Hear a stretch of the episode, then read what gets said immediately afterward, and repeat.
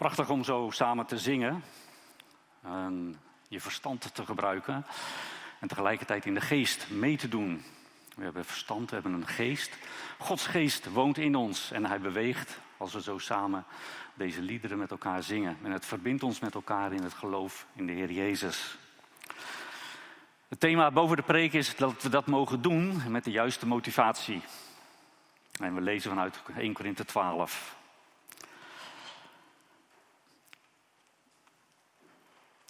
Christian heeft daar de afgelopen twee weken over gesproken. Eventjes uh, voor degenen die hier niet bij waren en als herinnering voor degenen die er wel bij waren. En het eerste thema was, uh, jij hoort erbij. Je kunt absoluut niet gemist worden. En het, uh, de vergelijking tussen een lamme en een blinde, die elkaar kunnen helpen doordat de een de ogen en de ander de benen voor de ander is. En op die manier samen kunnen optrekken. De tweede preek had als thema zwak is sterk.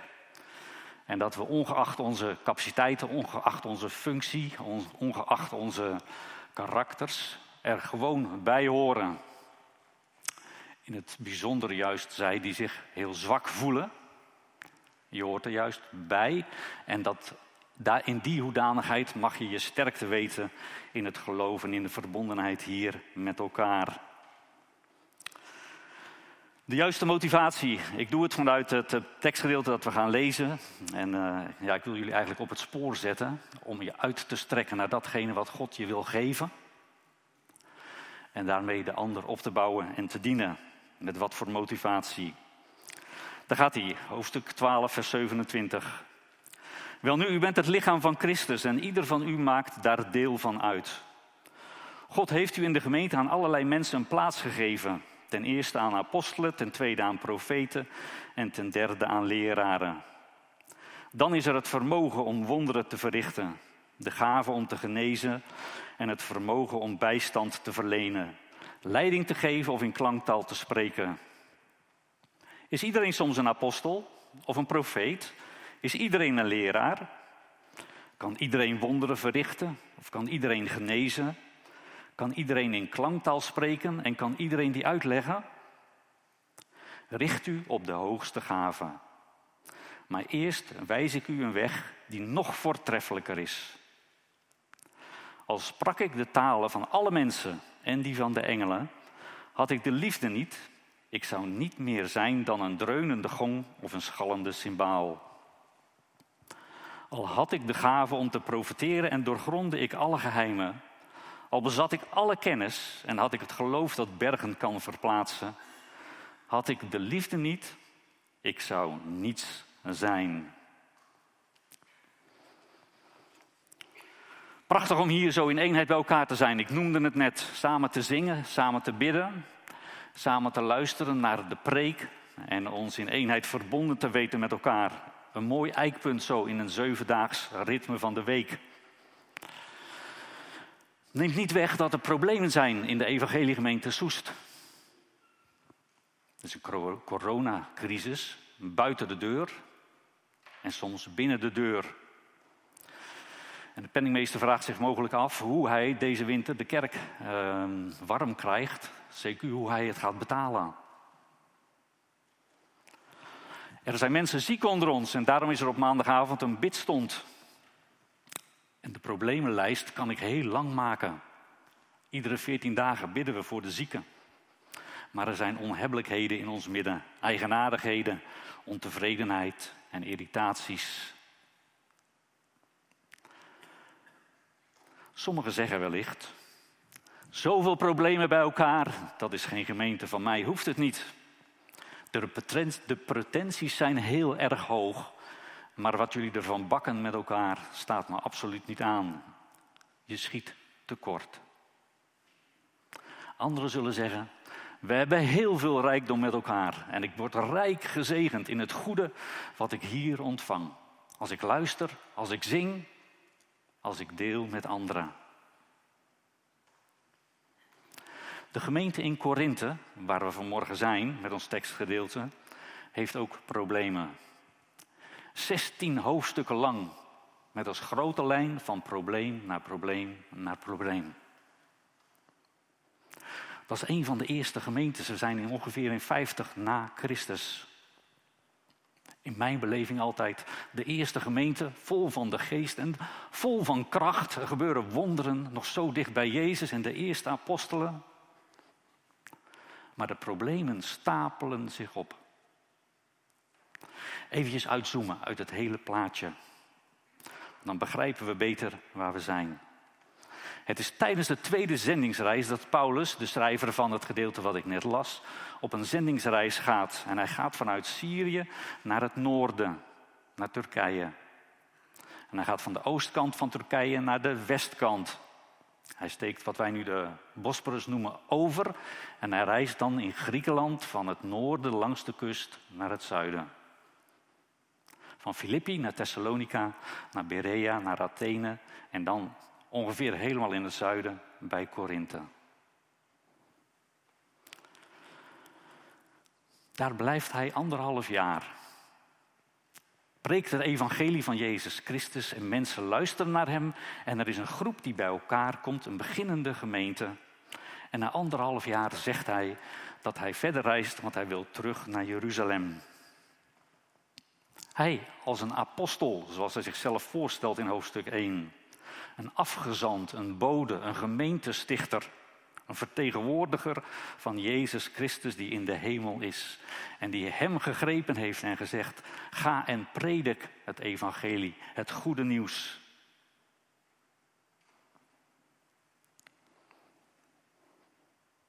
Anderhalf jaar in een gemeente verantwoordelijk zijn voor haar bestaan en voor haar gezondheid. En dan zeggen: Ik ga weg. Dat is als een vader die zijn gezin met kinderen achterlaat. Terwijl als je er met je verstand naar kijkt, zeg je dat is veel en veel te vroeg. Onverantwoord. Nog zoveel zorg nodig. Er is nog zoveel onevenwichtigheid. En neem het ze niet kwalijk. Het zijn kinderen in het geloof. Hij heeft wel nagedacht over de opvolging. Er komt ook een opvolger. Apollos, een leraar. En na hem komt Petrus, die sterke man, een getuige van Jezus Christus, van zijn sterven en van zijn opstanding. En zo wordt het, het stokje eigenlijk doorgegeven in het leidinggeven. En terwijl dat goed georganiseerd is, is het tegelijkertijd de bron van het probleem wat als eerste genoemd wordt in de brief. Want als je drie voorgangers hebt in een periode van ongeveer drie, vier, vijf jaar, dat is de tijd die zit tussen het schrijven en het, het schrijven van de brief en het vertrek van Paulus, dan kun je vergelijken. En dat doen ze. Als vanzelf, want hoe geestelijk ze ook zijn en hoe christelijk ze zijn, er is er niets menselijks vreemd. En er is er één die vindt eigenlijk dat Apollos veel beter preekt dan Paulus. En daar spreekt hij over, zo zittend in de kerkbank. En die ander zegt, nou nu je het zegt, daar zit wel wat in. En zo ontstaat er een klein groepje heimelijk die fan zijn van Apollos over de rug van Paulus. Maar je begrijpt, als je Petrus als voorganger hebt gehad, dat die zijn duizenden verslaat als visser recht voor zijn raap kan uit eigen getuigenis vertellen wat Jezus gezegd en gedaan heeft. En hij overtreft als vanzelfsprekend bij sommige Apollos.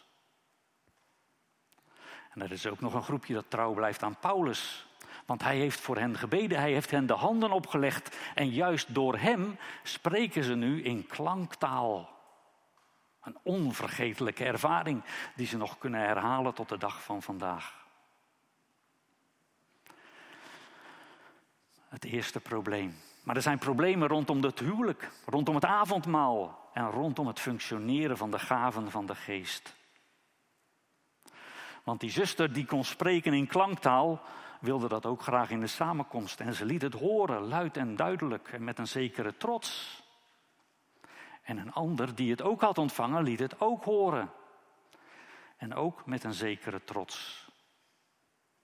En zij die het niet ontvingen hadden, keken met bewondering en luisterden en dachten, zij lopen voorop. Waarom heb ik dat niet gekregen? Waarom kan ik dat niet? Dat zijn de problemen. Er zijn er nog meer in de brief. Die ik eventjes hier naar voren wil halen, omdat ze een link hebben met het tekstgedeelte wat ik heb gelezen.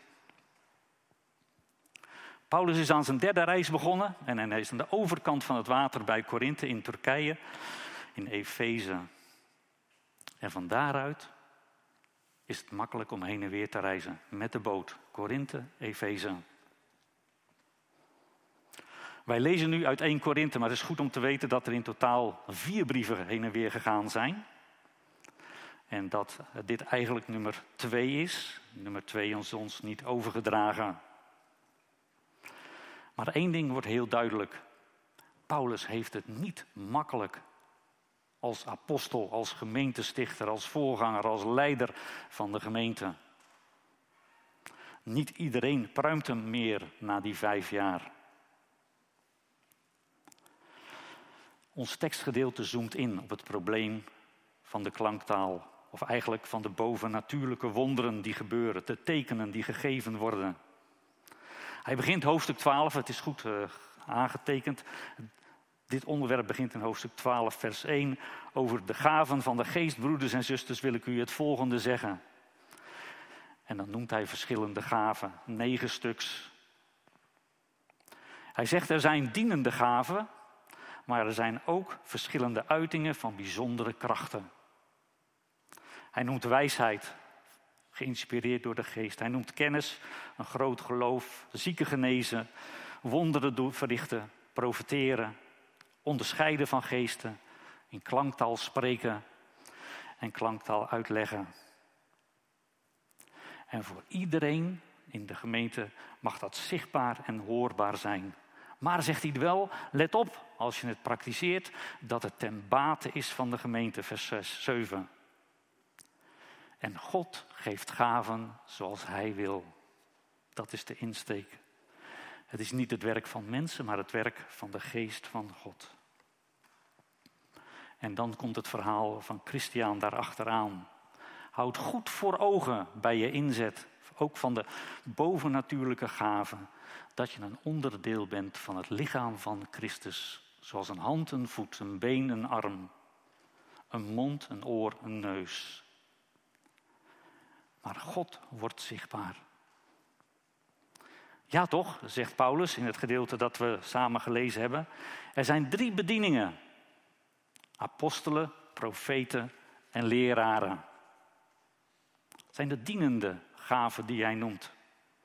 En dan noemt hij nog vijf andere gaven, waarvan er drie bovennatuurlijk zijn: wonderen, genezen en klanktaal. En dan nog twee dienende gaven: helpen en besturen.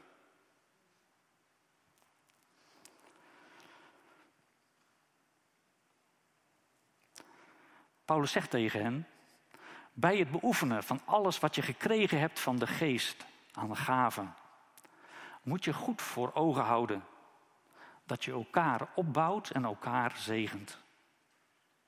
En dat je niet alles gekregen hebt, maar dat je juist elkaar nodig hebt. En dat dat de brug is in het functioneren van je eigen gaven. En dat je daarin jezelf mag geven aan de ander en hem steunen en, en uh, op weg helpen. Hij bouwt het op met retorische vragen. Is iedereen soms een apostel? Antwoord: nee. Of een profeet? Nee. Is iedereen een leraar? Nee. Kan iedereen wonderen verrichten? Nee. Of kan iedereen genezen? Nee. Kan iedereen in klanktaal spreken? Nee. Kan iedereen die uitleggen? Nee. Paulus spreekt vrijmoedig en uit eigen ervaring. Hij is apostel, hij is een leraar, hij verricht wonderen, hij heeft een jonge man uit de dood opgewekt. Hij geneest mensen. In Lystra heeft hij een verlamde man genezen in de naam van Jezus. En hij zegt in deze brief in hoofdstuk 14 dat hij meer dan een van de gemeenteleden in Korinthe in klanktaal spreekt. Als er iemand ruimte heeft om zich te profileren rond deze thematiek, dan is het Paulus.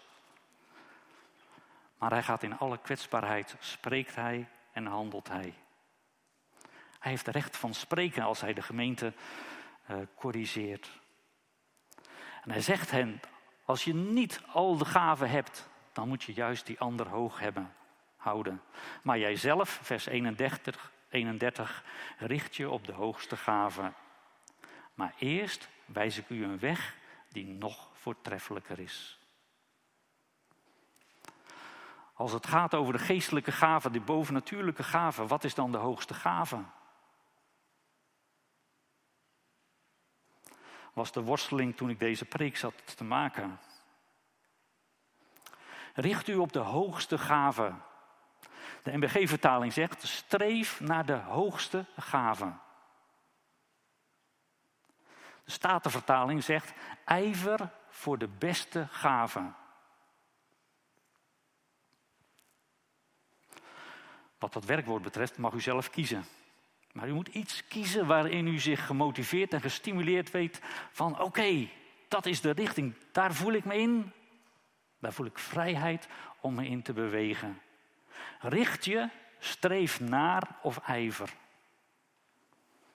In de voorbereiding koos ik voor ijver. Ijveren met het onderwerp waar we mee bezig zijn. In het uitstrekken naar de geest van God. Is als het voor, een stapje vooruit te doen om mee te doen. En tegelijkertijd ook wel iets van wijsheid daarin. Ik vond het een prachtig woord. Gebruik het niet in het dagelijks leven. Maar als ik het zeg in deze context, vind ik het heel erg functioneel. Streven naar de hoogste gave. Je kunt dus een lijstje maken. 1, 2, 3 tot en met 9. Lijkt me niet de beste weg. Kom je eigenlijk ook niet tegen in de Bijbel dat een lijstje op die manier gemaakt wordt. Je komt wel tegen, doe het beste in deze situatie. Wat is functioneel het hoogste? Wat is functioneel het beste in de situatie waarin we zitten? Als gemeente in Korinthe.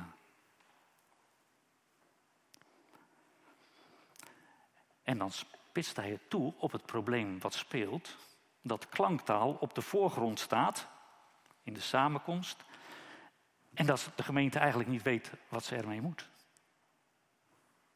Vandaar dat hij het in hoofdstuk 14 helemaal uitlegt welke functie het heeft, hoe het moet functioneren en helpt hij hen op weg. En tegelijkertijd wordt iedereen op zijn plaats gezet. Al sprak ik de talen van alle mensen en die van engelen, als sprak ik alle talen, maar ik had de liefde niet, dan zou ik niet meer zijn dan een dreunende gong of een schallende cymbaal. Oftewel, in de samenkomst verliest het helemaal zijn waarde. Want je verstaat het niet.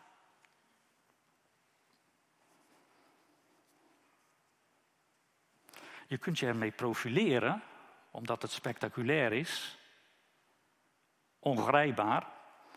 En de geest van God die in ons woont, en wat we beleiden als gemeente, wordt hoorbaar. In die zin is het een wonderlijk fenomeen. Dat je in klanktaal kunt spreken.